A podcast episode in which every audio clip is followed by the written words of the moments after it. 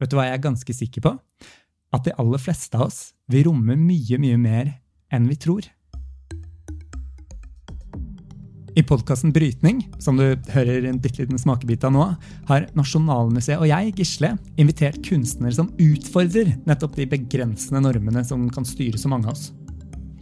Kan kunsten gjøre oss friere? Det er noe av det jeg skal snakke med gjestene om.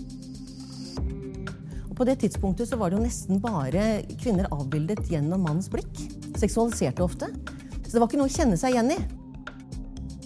Man går rundt med denne utopien om at kunstverdenen er bare et bedre sted enn resten av verden. Når man er ung og drømmer om å bli kunstner, så kommer man dit og bare Å ja, dere er ikke fritatt fra samfunnets strukturer og normer.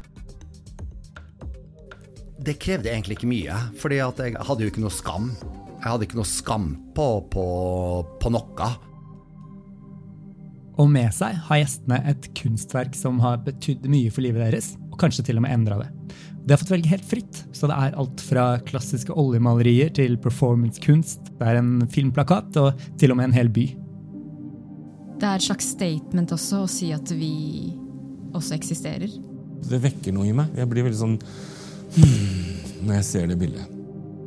So the knowledge and the beauty that we create applies to any individual in this society. And also applies the idea that the transgender people we cannot transition alone. We, we need the entire society to transition with us. Jeg håper vi er på vei dit igjen, at vi kan fortsette å være enda skjevere, enda mer seksuelle, enda mer vågale og fantastiske. Podkasten er en del av Nasjonalmuseets bidrag til Skeivt kulturår. For i år er det 50 år siden homofili ble avkriminalisert her i Norge. Og det markeres av mange små og store aktører over hele landet gjennom 2022. Og første episode er, eh, den er rett rundt hjørnet. Så vi snakkes veldig, veldig snart.